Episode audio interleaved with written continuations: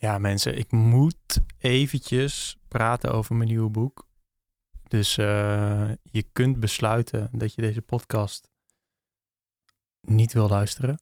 Want het gaat alleen maar over mijn boek Thuisblijvers duurder. Versie 2. Dus uh, ja, zet me gewoon af als je, het, uh, als je nou echt wel een keer klaar bent met het eeuwige gezeik over vliegtickets. Dat begrijp ik. En ja, als je dat heel graag wil horen, dan begrijp ik dat veel beter eigenlijk. Um, Oké, laten we beginnen bij het begin. Ik uh, was bloggetje. En uh, ja, als je bloggetje bent, dan kun je geld verdienen met partnerships met grote bedrijven. En ook wel kleine bedrijven trouwens. Die uh, adverteren op je website. En natuurlijk met gesponsorde posts. Dus dan schrijf je iets. Bijvoorbeeld maak je een recept met producten. En dan betaalt een bedrijf je daar eh, een bedrag voor, omdat jij een bepaalde, een bepaalde doelgroep bereikt die uh, voor het bedrijf interessant is. Nou, nu zijn er tegenwoordig heel veel bloggetjes en heel veel zogenaamde influencers die dat doorhebben. Die uh, ook heel vaak volgers kopen en nep, nep volgers hebben. Waardoor het dus net lijkt alsof ze superveel mensen bereiken. En dat eigenlijk helemaal niet effectief doen. Ehm, ja, dat is best wel een probleem. Maar ja, dat is een beetje inherent aan ons kapitalistische systeem, hè? Dus, uh, maar ja, goed. Uh, dat uh, was mijn werk. Um, waardoor ik dus een beetje kon, ja, mijn werkweek kon plannen zoals ik die zelf wilde. En ehm, waardoor ik dus ook op reis kon wanneer ik dat wilde. En dat vond ik heel erg tof aangezien ik best wel geïnteresseerd ben in andere landen, maar nog steeds wel gewoon in onder witte lakens wil slapen en in, airconditioning. Um, nou ja, en toen uh, ging ik, uh, denk wat vaker dan de gemiddelde mens op reis. En steeds uh, probeerde ik, net als iedereen denk ik, een zo goed, goedkoop mogelijk ticket te boeken. En aangezien ik toch tijd over had, dacht ik, ja, ik ga hier me helemaal in vast. Hoe zeg je dat? Vastgrijpen, vastduiken. Nou ja, zoiets. Heel erg in interesseren. En uh, ik ga soort deze subcultuur ga ik. Uh, um, Jezus, gaat lekker met die woorden. Ik duik in deze subcultuur. Want die is er online van mensen die heel veel reizen en daar zo weinig, voor, weinig mogelijk voor willen betalen. Um, en ik ga daar een beetje over schrijven. En, en, en dat vind ik nog steeds. Het grootste probleem eh, daarvan is, is dat ik. Kijk, nee, laat ik het anders zeggen. Ik vind het heel erg irritant als mensen um, vertellen wat ze aan het doen zijn. En daar niet echt bij vertellen hoeveel iets kost. Omdat het dan best wel onduidelijk verhaal is. Dus ik vind het tof om transparant te zijn. Um, een van mijn uh, grote voorbeelden, eh, Pieter Leffels, die de website Nomadlist heeft, uh, heeft ook uh, um, al zijn omzet en winst en inschrijvingen en al, al dat, dat soort gerelateerde cijfers online staan. Sorry. Um, om mensen die dat interessant vinden, een, een inzicht te geven in zijn bedrijf. En ik vind het heel erg tof dat mensen dat doen, omdat het, ja, dat is transparant en dat is iets wat mensen willen weten. Het nadeel daarvan is, is als je vertelt, in mijn geval, uh, wat ik voor een vliegticket heb betaald, dat mensen dat gauw een soort van stoerdoederij vinden. Of zo. Zo van, kijk mij nou even. Terwijl ik, ja, ik vind het tof om het, ja, ik, ik wil het heel graag uitleggen. Omdat, ja, om me heen, als ik soms hoor van mensen om me heen wat zij betalen voor vliegtickets, denk ik, ja, dat is best wel zonde. Want ongeveer de helft hiervan geef jij gewoon aan die airline. Uh, twee die ook gewoon zelf had kunnen houden. En dan maakt de airline nog steeds een beetje winst. En dan uh, kun jij veel voordeliger op reis. Dus dat is chill. Uh, maar goed, dat ging ik dus de hele tijd doen. En ja, stiekem werden die blogposts natuurlijk heel goed gelezen. Als je precies vertelt wat je betaalt. Dus dat was tof. Ehm, en iedere, iedere keer als ik op reis ging en, en daar niet zoveel voor betaalde, dan was er de vraag: maar hoe doe je dat dan? Uh, alsof er een soort van geheim is. Um, En dat is er niet. Want eigenlijk iedere reis is. Ja, voor iedere reis is er wel een ander trucje of een ander uh, groepje met trucjes dat ik heb toegepast om een goedkoop ticket te vinden of een voordelig ticket. Um, dus daarom ging ik daar steeds meer over schrijven. En voor iedere reis maakte ik een soort verhaaltje. En als je op jelmedeboer.nl slash trips kijkt, dan zie je eigenlijk alle, alle reizen die ik sinds 2006 heb gemaakt. Wat ik heb betaald, waar ik het heb geboekt, waarom ik het heb geboekt, hoe ik het heb geboekt. Wanneer ik het heb geboekt, hoeveel dagen van tevoren, et cetera. Het allemaal, ja, dat is allemaal niet zo heel relevant. Maar juist daarom vind ik het belangrijk om het te vertellen. Nou ja, zo werd het allemaal uh, veel meer tekst. En toen besloot ik vorig jaar in eh, juni of juli dat ik uh, dacht, ja, ik ga maar hier een boek over schrijven. Um, en die titel had ik volgens mij best wel snel. Thuisblijven is duurder is wat een vriend van mij, uh, Raymond, um, best wel vaak zegt. Als hij weer eens in Zuid-Afrika is. En daar niet zoveel betaalt voor een wine tasting. Want ja, je betaalt daar niet zoveel voor een wine tasting. Uh, dus die titel had ik. En toen ging ik op Twitter vragen: jou, als ik nou een boek zou schrijven over al deze tripjes en hoe ik dat doe, uh, zouden jullie het dan kopen? En toen zei uh, 56% ja, super gaaf. En 44% zei nee, donder op gozer. Um, dus toen ging ik het maar maken. En nee, dit, dit verhaal staat op mijn website jammerdeBoer.nl slash tid-open. Dit is thuisblijven is duurder. Dit streepje open. Um, maar uh, ik ging het online schrijven in Google Docs. Dus als je pre-orderde, kon je meekijken. Um, nou ja, meestal niet live, want ik was niet heel vaak aan het typen. Um, maar in het bestand wat online stond, uh, veranderde nogal vaak uh, iets. En iedere week stuurde ik een update met wat ik had toegevoegd of wat ik, wat ik graag kwijt wilde. Dus dat was best wel cool dat nou, steeds meer die, die lijst groeide met pre-orderaars. En het boek kreeg steeds meer vorm. Dus op 3, 3 februari in 2018 was het boek er. Ik had beloofd dat het uh, 31 januari dus zou zijn. Dus ik was drie dagen te laat. Kut, sorry. Maar uh, ja, uiteindelijk was het boek er. 903 pre-orderaars die uh, kregen het boek toen. En ja, um, het was het boek er opeens. Um, de eerste druk. Ik had er 2500 laten drukken. Maar ja, dat is altijd zo met boeken. Ook met mijn vorige boek. Ik denk, ja, ik denk steeds, fuck man, ik, ik heb nu dit geschreven. En ja, nu moet ik moet ik dus ja, hier exporteren als PDF. En dit moet gedrukt worden 2500 keer. En dat ligt dan bij iedereen in de kast. Wat nou als er een foutje in staat? Wat nou als mijn gedachten veranderen en ja, het opeens uh, een hoofdstuk nergens meer op slaat? Wat nou als zus? Was nou, wat nou als zo? Nou ja, precies dat gebeurde natuurlijk. Het is nu november 2018. Dat ding is uitverkocht. Dus dat is sowieso super mooi. Um, maar ja, ik heb wel um, ik ga niet precies hetzelfde document nog een keer naar de drukker sturen. Want ik heb nu, um, ik ben nu bezig met de tweede versie. Die ligt hier ook voor me. Maar dat kun je niet zien natuurlijk. Die tweede versie. De eerste was een hardcover. De, deze wordt een, uh, een paperback die je ook wat gemakkelijker kan vasthouden. Wat lekkerder kan lezen. Wat gemakkelijker mee kan nemen. En hij wordt, uh, en dan moet ik goed zeggen, dan moet ik goed het, het percentage goed hebben. Uh, de helft dikker dan de vorige. De vorige was 200 pagina's. Met, en deze wordt 300. En er staan ongeveer evenveel woorden per pagina. Ook al is het formaat kleiner. De lettertjes zijn ook kleiner. Uh, dus ja, 100 pagina's extra. En die 100 pagina's gaan eigenlijk vooral over punten sparen.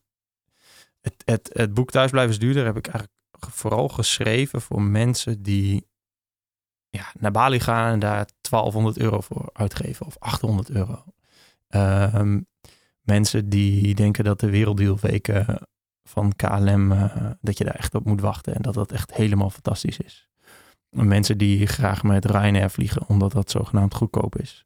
Uh, die mensen. Ik wil met het eerste boek, Thuis blijven duurder deel 1, wat logisch is dat het zo heet, dat um, wil ik, wilde ik graag luchtvaart en vliegtickets iets beter uitleggen. Waardoor je dus wat betere keuzes kunt maken. Ik ben van mening dat als je iets, als je ergens goed in wil worden, dan zul er onderzoek naar moeten doen. Hoe iets werkt en hoe je dat uh, voor jezelf kan toepassen in de praktijk. Dat is eigenlijk met alles zo. En uh, in het geval van vliegtickets boeken, net zoals met superveel, superveel dingen in het leven trouwens, vind ik niet dat er een soort standaardwerk is wat je kunt lezen en dat je direct beter op de hoogte bent en direct betere keuzes kan maken. En, en de belofte uh, die achterin op het boek staat, dat je honderden euro's op vliegtickets bespaart. Ik, ik geloof echt dat die waar is. Als je het boek hebt gelezen, dat je dan veel slimmer wordt in, uh, in uh, vliegtickets boeken. Nou ja, dat standaardwerk was er niet. Wat ik zelf heel jammer vond, want ik heb drie jaar lang, drie jaar lang ja, overal op blog zitten lezen, boeken zitten lezen, zelf proberen, veel praten met mensen die er superveel verstand van hebben, steeds vragen, uh, weer iets uitproberen, keihard op mijn bek gaan, superveel geld uitgeven, terwijl ik dacht dat, het, dat ik wel helemaal slim bezig was. Nou, ik heb superveel geprobeerd. Die uh, eh, 10.000 hour rule, die, ik denk dat, die, dat ik nog niet op 10.000 uur zit, maar ik ben aardig onderweg. Dus ik heb echt mijn ziel en zaligheid erin ingestoken om, om over te lezen, maar ook het echt uit te proberen. Dus uh, ja, ik heb eigenlijk ook best wel veel geld besteed aan, vliegtickets. Ook al zijn, waren de meeste heel goedkoop. Ik ging ongeveer iedere maand ging ik op pad om uh, te testen, te checken. Ik heb alles bewaard en gedocumenteerd. Nou ja, dat staat in het boek. Alleen aangezien het op, op 3 februari 2018 uitkwam, um, ja, ik ging daarna niet stoppen met, met uh, op reis gaan. Integendeel, ik ging er lekker mee door. En uh, dit jaar ben ik veel beter geworden in uh, het hele idee van uh, punten sparen en uitgeven. Want zoals je misschien weet, hebben heel veel airlines of airline allianties loyaliteits, loyaliteitsprogramma's. Dat zijn programma's waarbij je um, met je gevlogen vluchten punten kunt sparen. Vroeger heette dat miles. Heel vaak heet het nog miles. Maar het betekent niet dat je voor iedere gevlogen mijl een mijl krijgt die je als punt kunt zien. Wauw, dit is echt een wazig verhaal. Nou ja, daarom moet je het nieuwe boek lezen. Um, maar goed, iedere, iedere airline, iedere alliantie heeft zo'n beetje zo'n programma. Ryanair natuurlijk niet, maar je, je, moet natuurlijk ook nooit met Ryanair vliegen. Um, dus overal kun je punten sparen. Die punten zijn een soort valuta die je vervolgens weer kan inwisselen voor een nieuwe vlucht. Voorbeeld, uh, de airline uh, Delta Airlines. Airlines in Delta, bij Delta Airlines schrijf je trouwens met een spatie ertussen. Delta, spatie, Air, spatie, Lines. Bijzonder feitje, maar wel een interessant feitje. Delta Airlines uh, zit in de alliantie die SkyTeam heet. En SkyTeam uh, bevat onder andere ook KLM, Air France, Garuda, China Southern, China Eastern, Xiamen Airlines, Kenya Airways, nou, nog veel meer. Uh, Aeroflot uit Rusland. Als je met die airlines vliegt, dan kun je met je vlucht punten sparen bij bijvoorbeeld KLM Flying Blue. Flying Blue is het loyaliteitsprogramma van KLM. Maar ik deed dat bij Delta SkyMiles.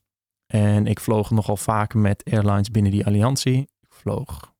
Ja, ik woon in Nederland, dus ik vloog zo nu en dan met, uh, met KLM. Naar Zuidoost-Azië heb ik uh, een paar keer met China Southern gevlogen. Ik vloog een paar keer met Aeroflot, een vlucht met Garuda. Nou ja, zo binnen die alliantie heb ik aardig wat vluchten gehad. En steeds spaarde ik een klein beetje puntjes, steeds een paar duizend bij Delta. Delta SkyMiles. Dus op een gegeven moment had ik daar iets meer dan 65.000 punten gespaard. En nu, um, nu is het november. Ik ben dit, deze winter in Zuid-Afrika. En nu kon ik met die 65.000 punten een ticket terug van Kaapstad naar Amsterdam kopen met die punten. En ik moet een heel klein beetje belastingen bij betalen, namelijk 29 euro. En nu vlieg ik in business class met die 65.000 punten met KLM, wat weer een partner is van Delta. Ik heb een ticket gekocht bij Delta, maar ik vlieg met KLM. Dus ik vlieg van Kaapstad naar Amsterdam in business class met KLM voor 29 euro en die 65.000 punten. Nou ja, zo zijn er dus heel veel uh, loyaliteitsprogramma's, meerdere, waarbij je punten kunt sparen. En uh, die, uh, die um, Die punten kun je dus weer inzetten om vluchten te kopen. Ander voorbeeld. Ik heb denk ik vijf lange vluchten. Nou, misschien iets meer vluchten, omdat alles via Dubai gaat. Maar vijf lange reizen gemaakt met Emirates. Ik heb een keer een trip gemaakt naar en Tanzania en Sri Lanka. Dus Amsterdam, Dubai, Tanzania, Dubai, Sri Lanka, Dubai, Amsterdam. Uh, ik vloog een keer naar Vietnam en weer terug. En naar Bali en weer terug. Volgens mij. Even kijken. 1, 2, 3, 4, 5. Ja, dat zijn 13 vluchten, maar drie reizen. Uh, en op een gegeven moment had ik zoveel. Nee, niet zoveel. Ik had uh, 27.500 Emirates Skywards punten gespaard. Dus puur alleen door die, door die uh, door die vluchten te vliegen. En met die 27.500 punten kon ik een business class ticket van Bangkok naar Hongkong met Emirates kopen. En volgens mij 20 euro bijbetalen. Dus dan zit je in zo'n Airbus A380, zo'n dubbeldekker vliegtuig, bovenste verdieping. Alleen maar business en first class. In je lekker je eigen cabine, lekker eten aan boord. Je kunt zo naar achter lopen, waar gewoon een bar is. Waar je lekker kunt chillen en met allemaal rijke mensen kunt praten. Wat niet per se heel cool is, maar het is wel grappig. Uh, ja, dat. En het punt dat ik eigenlijk wil maken is dat je, uh, als je vliegt, je, je moet, je, je kunt overal punten sparen, gratis. Dus je moet dat eigenlijk altijd doen. Ik zal nog één voorbeeld geven. En nu heb ik, nou verklap ik denk mijn hele boek. Nee, je moet het boek gewoon nog steeds kopen. Um, um, er is nog een alliantie. Die heet One World. En daartoe behoort American Airlines bijvoorbeeld. Maar ook British Airways, Finnair, Qatar Airways. Uh, wat heb je nog meer? Malaysia Airlines, Royal Jordanian, Sri Lankan, uh, Cathay Pacific. Um, het is een grote alliantie. Ik spaarde mijn punten bij American Airlines. Ik weet niet waarom. Ik had het toevallig een keer uh, dat account aangemaakt. Dat ik wilde ergens mijn punten sparen. Dus het boeide ook niet zoveel. En ik boekte een ticket naar Hawaii. Die was 420 euro. Amsterdam, Londen, Los Angeles, Hawaii. Leuk feitje. Hawaii ligt dichter bij Nederland dan Bali. En toch gaat echt iedereen naar Bali en niet naar Hawaii. Hemelsbreed ligt het trouwens dichterbij. Ik denk niet dat je er korter naartoe kunt vliegen. Maar dat moet ik eventjes verder uitzoeken. Um, dus uh, dat, uh, dat ticket had ik geboekt. Best een grote afstand. Dus ik spaarde flink wat punten bij American Airlines. Ik vloog met British Airways en American Airlines daar naartoe. En uh, al die punten kon ik sparen bij het Frequent Flyer programma van American Airlines. Ik had nog een, nog een trip samen met mijn op één na beste vriend Timo. Vloog ik van Oslo via Londen naar New York. En toen van Chicago via New York en Londen naar Berlijn. Je kunt even 15 seconden terug om uh, erachter te komen wat voor gekke trip dit was. Um, ook met British Airways en American Airlines. Dus daar spaarde ik mijn punten ook met American Airlines. Daar betaalde ik volgens mij 240 euro voor voor dit ticket. En ik had een vlucht van Barcelona via Londen naar Bangkok. En terug van Tokio naar Madrid naar Amsterdam. Ook een eurotje of 240. Uh, dus bij elkaar drie gekke trips gemaakt. Met uh, luchtvaartmaatschappijen binnen die uh, One World Alliantie. Daar in totaal minder dan 1000 euro voor betaald. Maar ook iets meer dan 30.000 American Airlines. Ja, het heette A-Advantage Miles meegespaard. 30.000 punten meegespaard bij het loyaliteitsprogramma. Dus het mes snijdt ook hier weer aan twee kanten. Ik had goedkope tickets gevonden. Dat staat allemaal in mijn boek hoe je dat kunt vinden. Vervolgens uh, ehm, 30.000 punten gespaard. Door alleen maar mijn Frequent Flyer programma of, uh, nummer op te geven. Op een gegeven moment kreeg ik een mail van American Airlines. Die zei, joh, jammer, uh, je hebt 30.000 punten bij ons, maar die vervallen binnenkort. Want dat kan ook nog gebeuren. Uh, zou je ze niet eens uitgeven? Toen dacht ik, ja, kloten. 30.000 punten, ik kan er niet heel veel mee, maar toch wel iets. En ik ging kijken en ik zag dat een business class ticket van de zone Midden-Oosten naar de zone Indisch subcontinent bij American Airlines 30.000 punten kost. Eh, en toen besloot ik maar van, eh, van Tel Aviv via Amman in Jordanië en Doha in Qatar naar Colombo in Sri Lanka te vliegen. Immers, Tel Aviv is zone Midden-Oosten. Colombo is zone Indisch subcontinent. Ehm, dus eh, ja, dat waren drie vluchten in, uh, in business class. En dat waren ook drie vluchten. Uh, er wordt niet rechtstreeks van Tel Aviv naar Colombo gevlogen. Vooral ook omdat ja, Israël gewoon ruzie met iedereen maakt in die regio. Dus die vliegen niet rechtstreeks op veel plekken daar. Dus dan moet je eerst naar Amman. En dan Amman naar Doha. En dan Doha naar Sri Lanka. Um, en ik wilde graag wat langer in Doha zijn. En wat langer betekent iets minder dan 24 uur. en dat kon allemaal. Dus dat ticket boekte ik, 30.000 punten. 40 euro en een klein beetje bijbetaald. En dat waren drie vluchten in business class. Om nogmaals te illustreren dat je dus met drie economy class vluchten, waar je weinig voor betaalt, veel punten kunt sparen die je vervolgens kunt inzetten, inzetten om business class vluchten mee te kopen en een paar tientjes bij te betalen.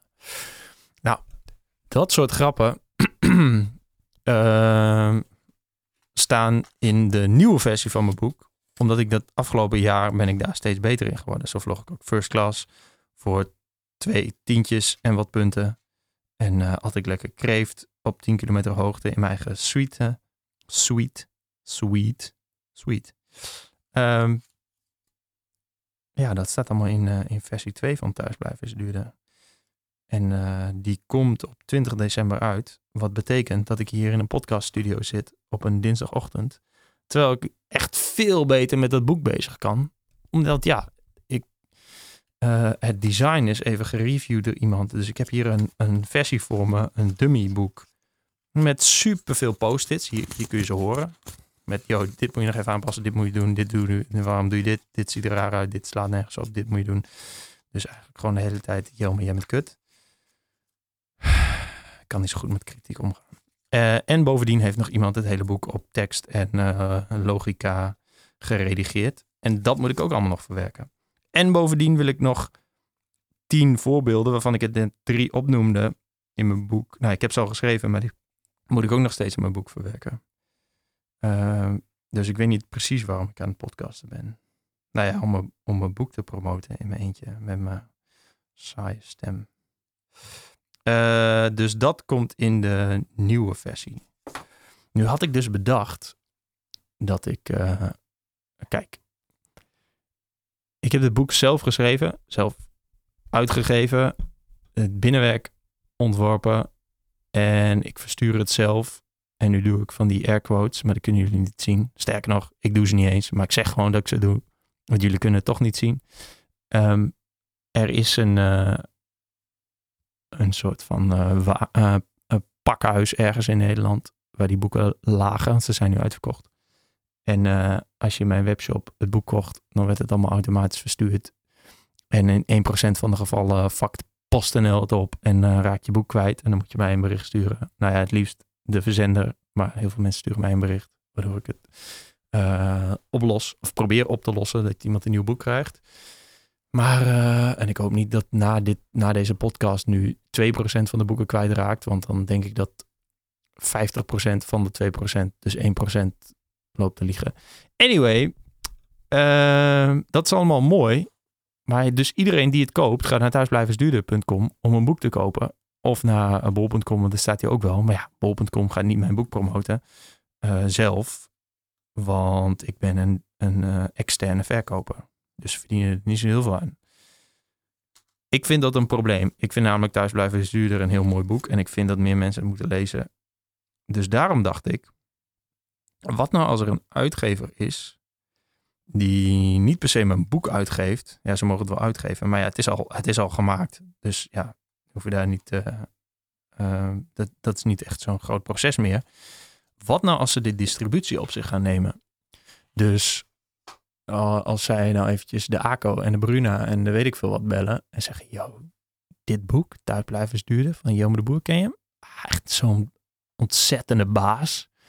Echt een briljant, fantastisch, knettergoed boek.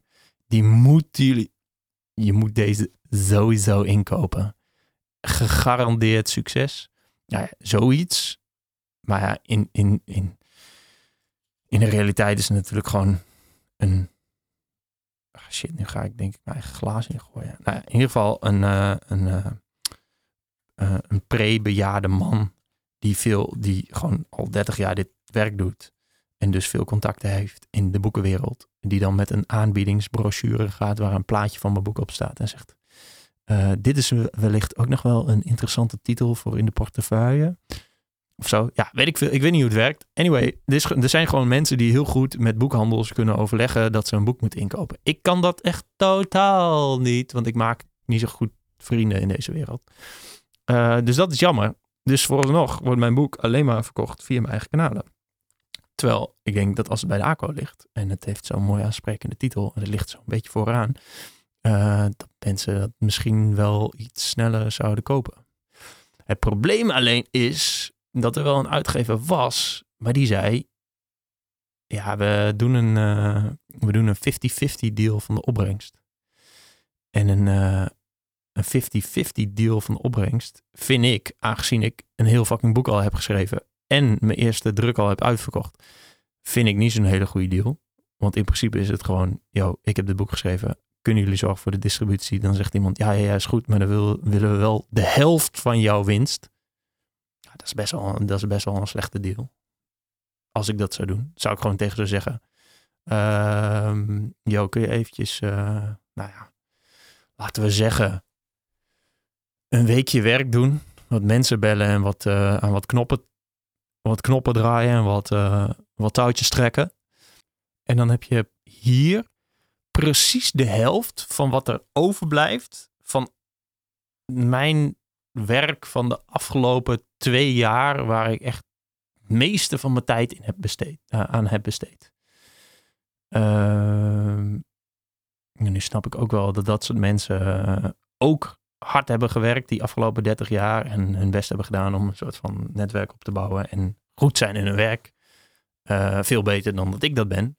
Maar goed, ik vind dat niet zo'n goede deal. Dus er is geen deal met een, met een uitgever. En er is ook geen deal met een distributeur. Dus mijn boek is alleen nog maar te kopen op thuisblijvensduurder.com. En straks als het er is, weer op bol.com. Maar ja, ik wil nog steeds wel gewoon met uh, dan maar zelf met ACO praten. Ik heb ook serieus nog nooit geprobeerd een telefoonnummer of een e-mailadres van de inkoop van ACO te achterhalen om mijn boek te promoten. Dus als er iemand luistert die dat heeft, of dat is, iemand die dat telefoonnummer is. Laat het vooral even weten. Want ik wil nog steeds wel heel graag dat dat uh, boek in de boekhandel ligt. Uh, ja, maar niet, niet per se dat, uh, dat een uitgever dat die dienst levert voor de helft van het geld. Als er trouwens een distributeur luistert die zegt, huh, de helft van de opbrengst, wat een gekke deal. Ik heb een veel betere deal voor je.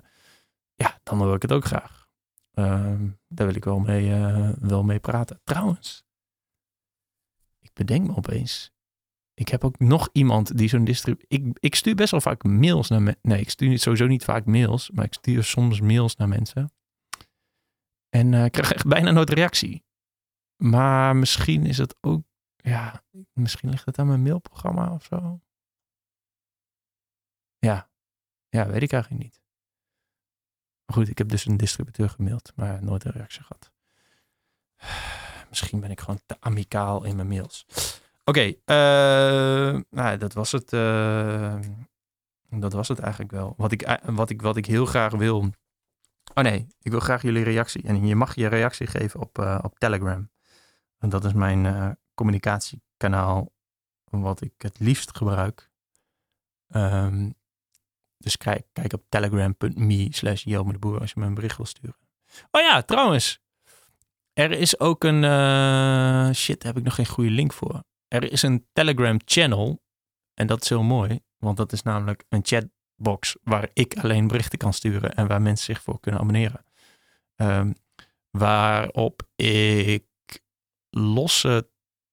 Ja, uh, losse dingetjes post die te maken hebben met thuisblijvers duurder. Dus bijvoorbeeld als er een ticketdeal voorbij komt die ik interessant vind voor mensen die mij volgen, dan zal ik daar, daar ook posten. En dan zal ik ook uitleggen waarom dit uh, tof is. Dus eigenlijk is het, zo, is het een soort van achtergrondkanaal voor bij, me, bij mijn boek.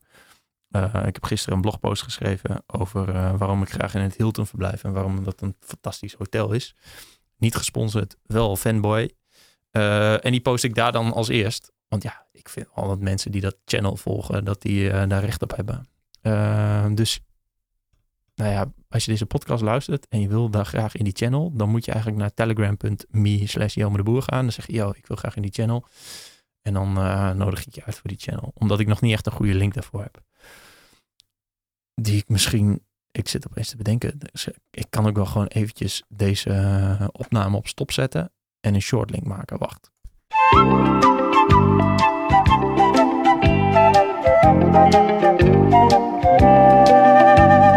Ja, mooi man. Ik, uh, ik heb even een shortlink gemaakt. Het is uh, tit.tips, tid.tips, slash telegram. En als je die opent, dan uh, kom je in het Telegram channel met extra achtergrondinformatie. Helemaal gratis. Op dit moment zijn er 322 mensen al lid van het kanaal. Na één dag vind ik fantastisch. En ik hoop dat ik daar regelmatig shit kan posten. Je kunt niet reageren, maar ik vind het wel tof als je gewoon in een privébericht uh, reageert. Misschien dat ik daar, als ik heel succesvol word, wel een beetje weer moe van word. Maar ik denk het niet. Ik vind het echt heel tof om, uh, om, om privéberichten te beantwoorden. En dat kan bij Telegram weten, want dat kan gewoon op mijn laptop. En dan kan ik gewoon mijn toetsenbord gebruiken, waar ik met mijn twee handen op kan typen. En ik vind DM's op Instagram vind ik ook heel leuk. Alleen ja, dat dat moet ik op mijn telefoon doen. Dat vind ik fucking kut. Dat is, daar ben je als mens niet voor gemaakt. Voor een toetsenbord iets meer.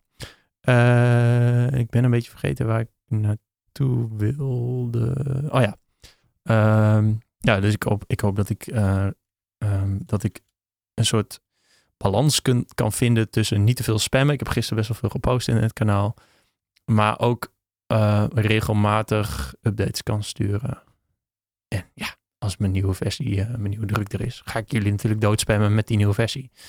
Dat begrijpen jullie ook wel. Dus dit is natuurlijk alles, uh, alles, uh, alles om geld te verdienen, of niet? Oh ja, dat wil ik ook nog even uit de wereld helpen. Um, wat ik begrijp, maar wel vervelend vind, is dat mensen mijn boek kopen en dan nog even mij een privébericht sturen met ik heb je even gesponsord door. Allereerst Ehm,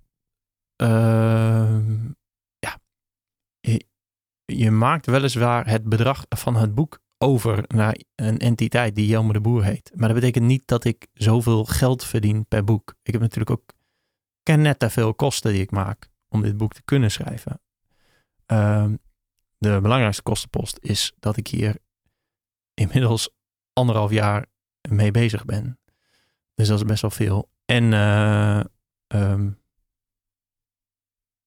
ik moet een boek drukken, ik moet het vermarkten, et cetera, et cetera, et cetera.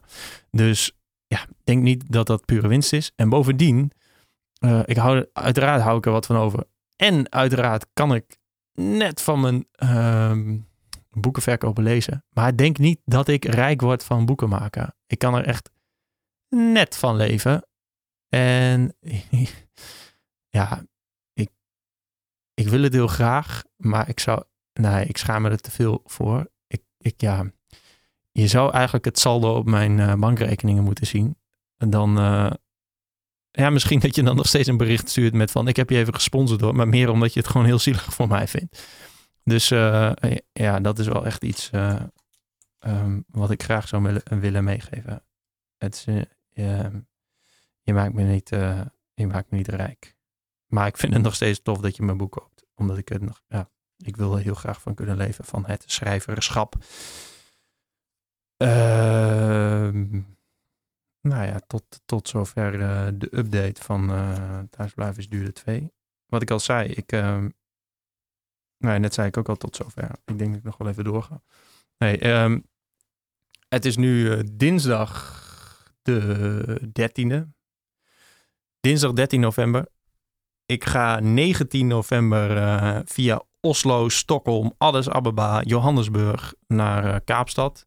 Dat is zondag. Ik wil eigenlijk uh, zondag ook de nieuwe versie van mijn boek naar de drukker sturen. Dus nogmaals, ik zit hier nu een podcast op te nemen terwijl ik eigenlijk uh, belangrijke dingen moet doen. namelijk mijn boek schrijven. Eh, en dan, eh, dan is het de 19e november. Dan gaat het boek naar de drukker. Dan gaat er ongeveer drie weken overheen. En ik hoop niet dat de, de boekdrukker drie weken aanstaat. Maar ik denk dat de, ja, de doorlooptijd van het uh, klaarmaken, drukken, snijden, lijmen, weet ik veel wat er allemaal moet gebeuren. Op pallet, in dozen douwen, op pallets doen en dan klaarzetten en verzenden. Duurt ongeveer drie, drie weken, drieënhalve week.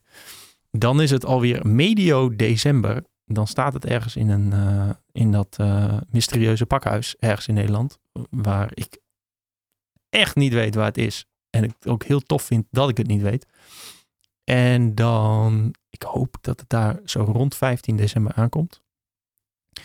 Dan heb ik, uh, ik heb iedereen beloofd dat het 20 december dat je het boek thuis hebt. Dus als het de 15e aankomt, dan uh, kan het uh, misschien dezelfde dag, misschien de 16e worden uitgeleverd. Oh nee, dat is volgens mij een, een zaterdag. Wacht. Kijk even voor je op de kalender. Ik ga trouwens straks nog even terugkomen. Help even onthouden dat ik terugkom op de kalender. Uh, de 16e, oh nee, 17e is zaterdag. Uh, dat kan. Dat de 17e uh, de orders worden voorbereid. En dan worden ze, denk ik, die maandag verzonden. Fuck, ik zit bij de verkeerde maand te kijken. Idiot! Als het 15 wordt geleverd, dat is een zaterdag, dan gebeurt er de 16e natuurlijk niks. Want dat is de dag van God. Uh, dan wordt de zeven, ja, misschien wordt er wel wat gedaan, geen idee. Dan wordt de 17e klaargemaakt. En de 18e geleverd. En wat de 17e niet is gelukt, wordt de 18e klaargemaakt. En de 19e geleverd. En als er dan nog iets overblijft, dan wordt het de 19e klaargemaakt. En de 20e geleverd. En dan ben ik aan mijn belofte, heb ik me aan mijn belofte gehouden. En als er dan toch nog iets misgaat, ja, dan heb je het waarschijnlijk nog steeds wel voor je mooie kerstcadeau. Want dan is er nog 21 de vrijdag, 22 de zaterdag, 23 is het de dag van God. Gadver, ik zat net met mijn lip tegen, de microfoon aan. Dat is best wel vies. Uh, dan is het nog maandag de 24ste en dan is het dinsdag 25 kerst. Nou, dat moet goed komen, toch?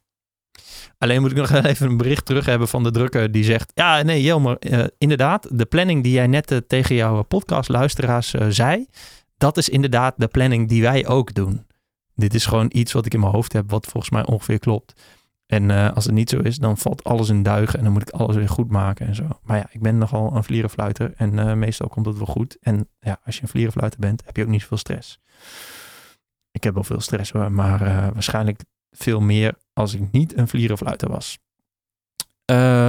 nou, goed dat je het zegt. Ik zou nog even terugkomen op die kalender. Je hebt dus, volgens mij heet het een International Fixed Calendar. Het is een kalender die anders is dan de kalender die we nu gebruiken. Want hoe fucking raar is het dat we. Ja, we hebben gewoon een paar maanden die 31 dagen zijn en een paar die 30 zijn. Maar er is ook zo'n idiot calendar die de 28 heeft. Maar soms 29 of een, een, een maand.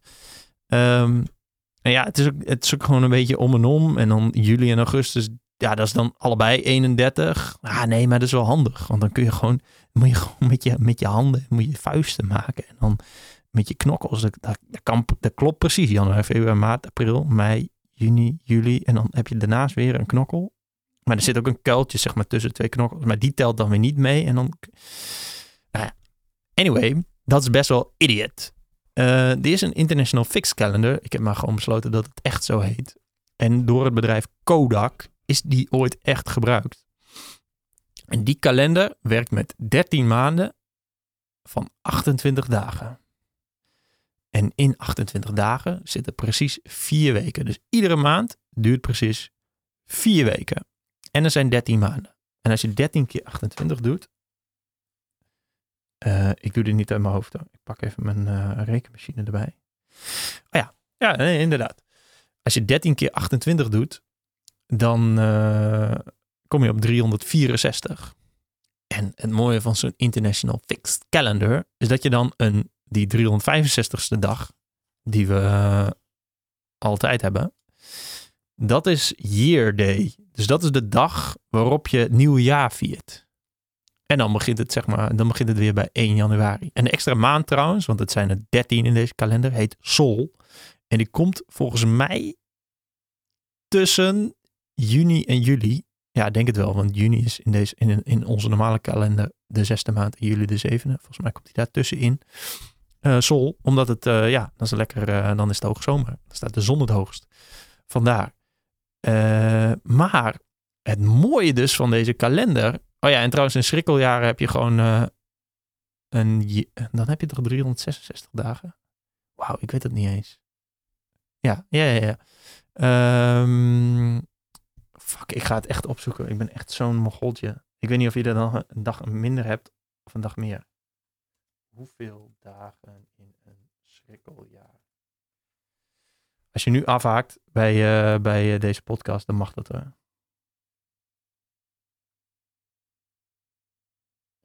Ja, precies, 366. Het mooie van deze International Fixed Calendar is dus dat je altijd weet op wat voor dag een datum valt. Ja, dat is toch mooi? Dus dan word je geboren op uh, nou, bijvoorbeeld 7 april.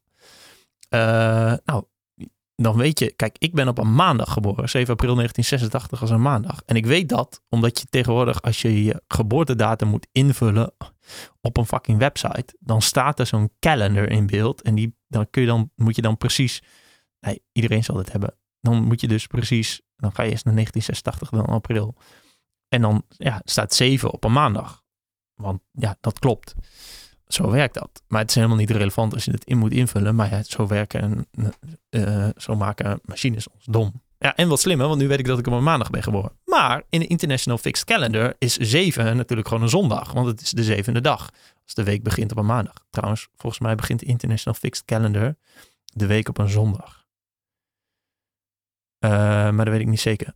De Joden wel hebben gedaan of niet? Zo, nou, oh, zeg grof. Uh, ja, volgens mij begint het op een zondag. Nou ja, in mijn International Fixed Calendar begint de, de week gewoon op een maandag. En is 7 april dus een zondag. En zal dus ook forever een zondag zijn. Dat is toch chill? En als iemand tegen je zegt, ja, kun je 17 oktober afspreken? Dan denk je, oh ja, in het begin zul je dan moeten rekenen. Dan denk je, oh ja, 14, 14, 15 is dan weer een nieuwe week. 15 is maandag. Oh ja, dat is een woensdag. Nee, dat kan ik niet, man. Dan heb ik de kinderen. Nou, bijvoorbeeld kun je dat dan zeggen. En dan uh, maakt het niet uit of het 17 oktober uh, 2034 is of 2056. Wow, dat zou wel echt grappig zijn als je in 2056 nog de kinderen hebt. Maar, uh, maar goed, dat is fucking handig. Dan, want ja, dan kun je dus, dan weet je gewoon altijd op wat voor dag, wat voor datum valt. Maar mensen, dan zul je denken, waarom doet niemand deze kalender? Nou, niemand doet deze kalender omdat er natuurlijk geen overheid is die dat um, wil invoeren. Omdat het te veel werk is. Maar er zijn nog twee bezwaren. Twee andere bezwaren. Namelijk dat er 13 maanden zijn en 13 een ongeluksgetal is. Dit is serieus een bezwaar. Uh, en dat er mensen vinden dat je 13 maanden niet kunt delen door vier om vier kwartalen te gebruiken voor bijvoorbeeld je boekhouding. Uh, nou, dat, dat is sowieso. Ja, sowieso is het een dom argument dat je per se. Hoezo? Waarom moet je vier kwartalen? Maar waarom moet dat? Ja, je kunt 13 niet delen door vier. Maar oké, nee, maar waarom moet je er vier hebben? Eh, waar is, waar, waar, hoezo is dat belangrijk? Omdat, ja, dat doen wij altijd zo. Ja, oké, maar waarom echt? En bovendien kun je dat wel, aangezien, ja, je kunt, dan doe je toch gewoon vier maanden en een week. En dan is dat je kwartaal. Dat is toch niet zo uh, boeiend? Ja, nee, maar dan, dan, uh, dan, is, dan is er ook nog uh, year day. Hè? Dan, dan, dan wijkt die weer een beetje af. Ja, dude, je hebt in het eerste kwartaal ook fucking februari zitten met z'n met 21 dagen. Dus het wijkt sowieso net debiel af. Um, ik weet niet waarom ik opeens zo agressief ben tegen kalenders. Maar uh, ja, dus dit is geen goed argument om het niet in te voeren. Dus ik vind uh, dat we gewoon deze kalender. Uh, ik vind, ja, nee, weet je wat ik vind? Kodak heeft het dus geprobeerd, ergens in de jaren 80 of 90, weet niet precies. Je kunt het allemaal op Wikipedia terugvinden. Ik heb dit ook. Ik, de enige kennis die ik heb van de International Fixed Calendar, en ik hoop nog steeds dat die echt zo heet, eh, is dat die, uh, in, in die, komt van, die komt van Wikipedia. Maar ik vind het fantastisch. Maar wat ik vind, is dat een uh, groot bedrijf het moet invoeren. En Kodak heeft het geprobeerd, mensen mee gestopt. maar bijvoorbeeld een Google of zo, of Facebook, weet ik veel wat, zoiets. En dat er dan nog een bedrijf het invoert en nog, nog een paar. En op een gegeven moment gaat, werkt gewoon iedereen ermee. En dan ja, moet je als overheid of als land of als weet ik veel wat voor wetgevende instantie ook maar overstappen. En dan ga je al die data van vroeger, die flikker je in een algoritme en dan reken je het wel terug. En dan uh, heb je allemaal nieuwe data en zo. En dat, ja, het is allemaal niet, het, is allemaal niet erg, want ja, dat, het boeit allemaal niet. Ah, wel. Als Mexicanen Cinco de Mayo vieren. Dat is ook zo grappig, hè? Dat Cinco, de Mayo valt dus wel eens op een zondag. Dus dan is... is oh nee, wacht. Cinco de Mayo is heel wat anders. Dat is de, dat is de overwinning van de... Overwinning op de Oostenrijkers of zo. Ik bedoel, Dag van de Arbeid. Dag van de Arbeid valt dus wel eens op een zondag. Dat is knettergrappig. Want ja, dat is, dat is een zondag. Uh, dus uh, en nog een bijkomend voordeel van de International Fixed Calendar is dat je dus uh, bijvoorbeeld iets gebeurt op een datum en een dag. Dan is dat volgend jaar, als je dat gaat zitten herinneren, weer die datum en ook die dag. Dat is toch helemaal mooi?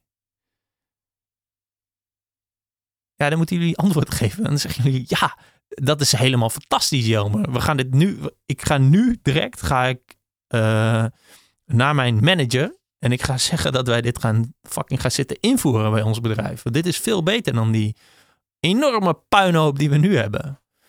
Nou, heel goed. Dan ga ik dat ook doen. En uh, ik ga extra onderzoek, uh, extra onderzoek ook doen. Alsof ik standaard onderzoek doe op een dag naar ka kalenders. Ik ga onderzoek doen naar uh, of je dit... Ja, dit zou toch tof zijn als je dit ook in, in je calendar zoals je die gebruikt op je Mac bijvoorbeeld uh, kunt doen. Dat je dat gewoon kunt instellen. En dat je gewoon begint met je, met je vrienden. Dan zeg je, hé, hey, uh, zullen we 17 sol afspreken? En dan uh, zegt hij, nee, gozer, ik heb toch net gezegd dat ik op woensdag de kinderen heb. Snap je? Dan krijg je dus dat soort dingen. Dat, is veel, dat zijn veel leukere gesprekken en duidelijker. Um, ja, je moet dat eigenlijk gewoon met je vrienden gaan doen. Dus zoek even op, international. Ik ga het nu even opzoeken, anders is deze podcast slaat helemaal nergens op. International Fixed Calendar.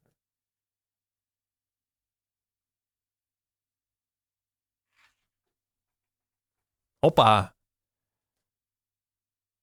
Moses B. Cotsworth heeft, Cotsworth heeft het bedacht. In 1902. Cotsworth Plan, Eastman Plan, 13, 13 month calendar, equal month calendar.